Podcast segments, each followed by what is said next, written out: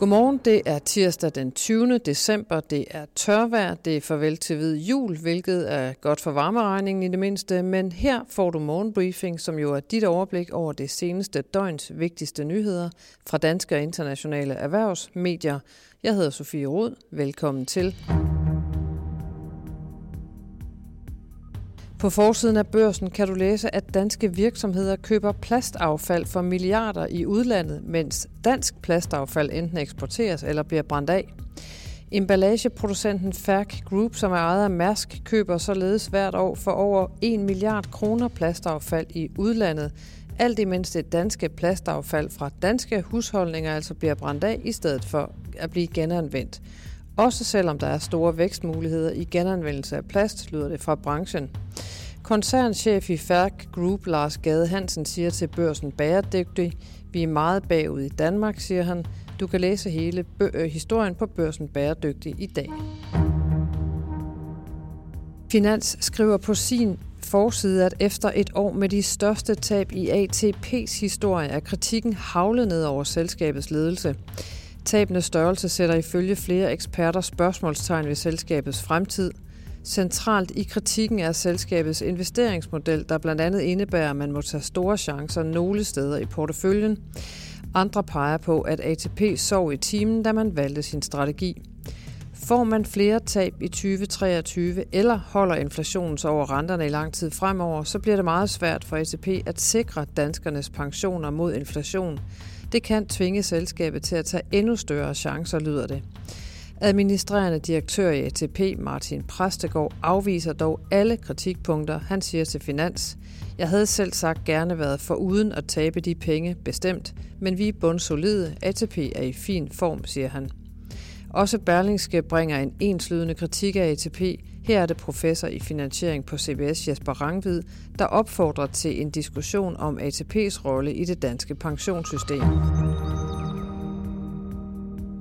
Og så er der mere nyt i den politiske tvist, der er opstået efter, at den nye regering vil veksle stor bededag til flere penge til forsvaret. Nu afviser flere ledende økonomer i børsen nemlig regeringens kobling mellem forsvarsudgifter og afskaffelse af en helligdag.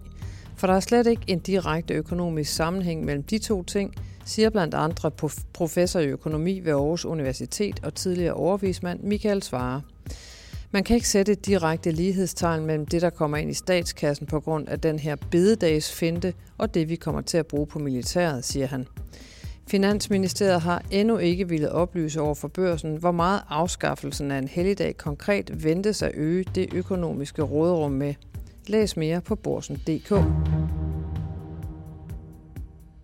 Vi skal tilbage til den grønne energi og børsen, som skriver, at Ørsted nu for alvor er klar til at sætte skub i sin satsning på at omdanne strøm fra snorende vindmøller til grøn brint og grønne brændstoffer. Energikampen har netop truffet sin allerførste endelige investeringsbeslutning for et Power-to-X-projekt i kommersiel skala, og det er en vigtig milepæl for selskabet, der har en ambition om at opbygge en global førerposition på området, fortæller Anders Nordstrøm, som er driftsdirektør for Power to X hos Ørsted. Han siger, det er rigtig stort for os. Det er et meget vigtigt skridt i vores Power to X-rejse. Det står til at blive det, det største e-metanol-projekt i Europa, siger han til børsen. Tidligere præsident i USA, Donald Trump, har fået et nyt problem at slås med, hvis han satser på at stille op som præsidentkandidat i USA i 2024.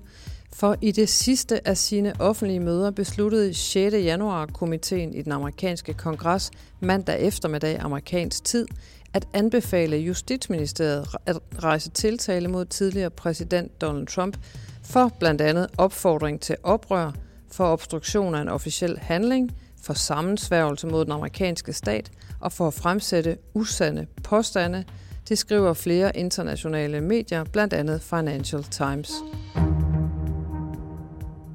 Også Twitter-ejer og Tesla-stifter Elon Musk tog de internationale overskrifter mandag, efter at han søndag havde opfordret brugere af det sociale medie til at stemme om, hvorvidt Musk skulle fortsætte som chef for Twitter. Mere end 17 millioner Twitter-brugere stemte i en afstemning, og resultatet blev, at tæt på 60 procent stemte for, at Musk skulle trække sig. Afstemningen skaber ny usikkerhed om det ombruste sociale medies fremtid efter mere end syv uger med Musk udløst tumult om platformen, skriver Wall Street Journal, som ikke var lykkedes med at få en kommentar til afstemningsresultatet fra hverken Twitter eller Musk natten til i dag. Totalkredit, som er ejet af Nykredit, har hapset 75 procent af markedsvæksten i det private realkreditudlån og er vokset med en tredjedel de seneste par år. Dermed giver de konkurrenterne baghjul, viser nye beregninger fra børsen. For selvom boligmarkedet har haft det hårdt i 2022, så har der været fart på de seneste fem år. Faktisk så meget, at realkreditens udlån til ejer- og fritidsboliger mellem september 2017 og slutningen af september 2022 steg netto med godt 18 procent eller 280 milliarder kroner, viser beregningerne. Men der er også markante styrkeforskelle mellem de blot fire realkreditudlånere for privatkunder i Danmark – mens Danske Banks Realkredit Danmark er blevet hårdt ramt af moderbankens møgsager de seneste år, så er den største aktør i markedet, altså Totalkredit, blevet endnu større. Læs mere om det i børsen i dag. Og til markederne, hvor bekymringen for en svigtende økonomisk vækst mandag ikke rigtig ville slippe sit tag i Wall Street, og med fraværet af gode nyheder, for eksempel i form af regnskabstal, så faldt alle tre ledende amerikanske aktieindeks mandag. S&P 500 måtte ned med 0,9 procent, Dow Jones smed en halv procent, mens Nasdaq igen var overprygel, knappe og lukkede med et mere markant drop på 1,5 procent. Herhjemme var der heller ikke meget action på ugens første handelsdag, men dog var de fleste aktier i C25 i grønt. Samlet lukkede det danske indeks i et lille plus på 0,16 procent. Det er vel nærmest flat, som man kan sige. Og som altid er der flere detaljer og andre gode investorhistorier på borsen.dk Investor. For mange erhvervsledere er den tid, som vi lever i, præget af uforudsigelighed, men det er en misforståelse at tro, at det er sværere at være leder i dag end tidligere. Vi har altid levet i en uforudsigelig tid, og det er netop i den tid, at man skal forsøge at tænke utraditionelt og se nye muligheder. Det siger forfatteren Roger Martin, tidligere professor og nu en af verdens mest indflydelsesrige tænkere i strategi. Roger Martin er gæst i den nye udgave af podcasten Topchefernes Strategi.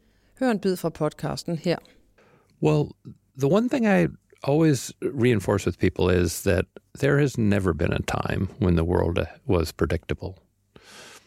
We tend to think so when we look backward on it because everything is resolved. And so we say, oh, you could have predicted uh, uh, that. Um, now we don't know what the outcomes are going to be, so it feels more unpredictable. Why that's important to me is strategy has always been an exercise in improving your odds of success, shortening your odds because we don't know the future and nobody knows the future, no strategy can be guaranteed to be perfect or cor- correct.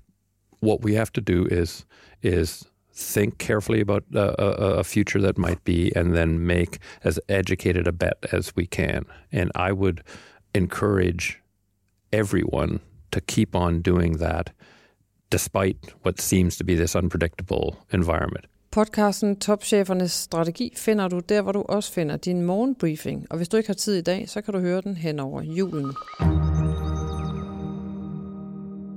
Det var det. Morgenbriefing er slut. Ud i tirsdagen med dig. Der er sikkert masser at gøre. Vi er tilbage igen i morgen onsdag. God dag til dig.